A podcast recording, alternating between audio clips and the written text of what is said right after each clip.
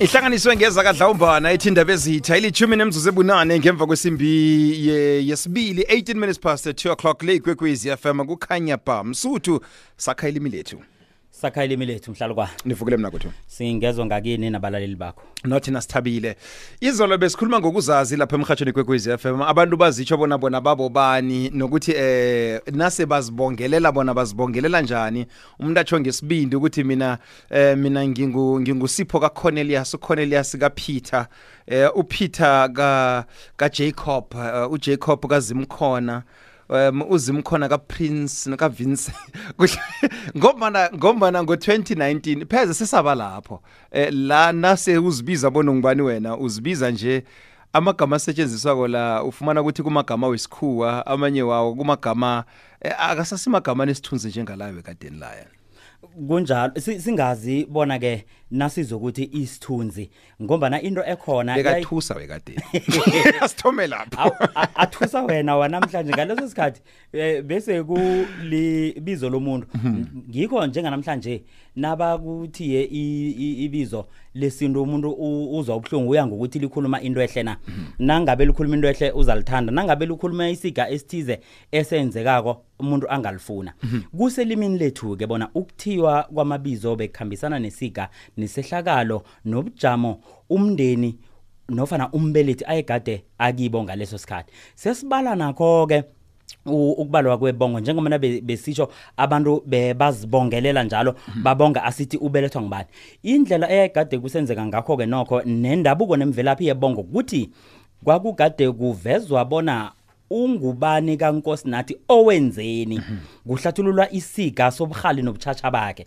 Ngombana isiga leso sasigade sihlathululwa bona sisehlakalo esenzekileko ekufanele saziwe emtshade ekufanele saziwe emphakathi nesingatsho-ke sithi kwakugade kuliphephandaba kumrhatsho kwangaleso sikhathi ukubika bona sesisigabani esenze- esenzekileko emphakathini wekhethu sakhile. I- im- imbongwezi a- a- ngaphambi kobana siye embongweni apha amagama la nase si- umuntu nakazibiza ngamagama wamaqhegu ambelethako nje um vane a- ahlonipha amaqhegu la namtshana vane kuyikulumo nje yoku- yoku- yokuzikhakhazisa nge- ngomndeni wekhaba ngibeke njalo. Kuse kuzikhakhaziseni kodwana ngasikhathi sinye sekufana nokuthi kukuthethelela. Namhlanje nasibongako sibiza amabizo wamaqhegu amadala ngivusa ingazi ezingakhileko. Ngulapho ke umuntu kuthola bonyana nazibongako ubonga kube nento kwanga kunento emgugako nento emsikimisako.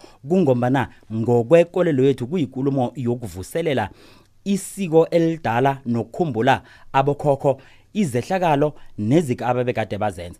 Elimini lethu ke ekusetshenziswa kwebongo kwakugade kusiza kakhulu ekubulungeni ilimi nekubulungeni umlando ngendlela izinto zazigade zisenzeka ngakho. Ngombana sithola kunamagama amaningi asetshenziswako ebongweni esingasawasebenzisiko namhlanje. Mhlawumnye siye ebongweni zengwenyama umabhoko umahaganisa siye ne- nebongo eh, zengwenyama eh umahaganisa eh eh, kwamanala. Siyazibona eh njengoba sikhona ukubona bonyana sinomahaganisa ngakwanzunza sinomahaganisa ngakwamanala kuyatsho bonyana kutsho ukuthi bekade likhuluma isika esithize.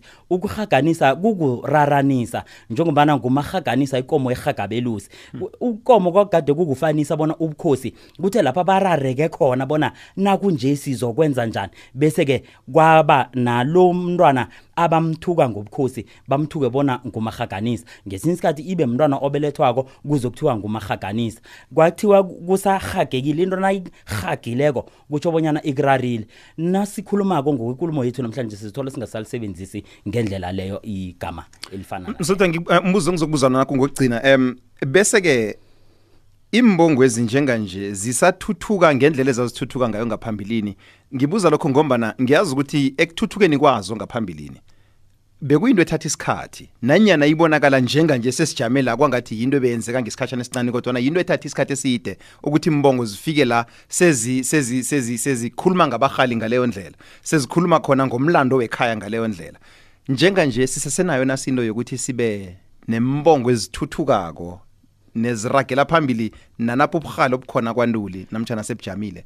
Ibongo ngokokubongelela azisathuthuki ngombana sesihloge abantu abasibongako. Mhlawumnye lokho kubangelwa ukuthi umlando wethu sowuhlolwa phasi begodwa uyagadangiswa.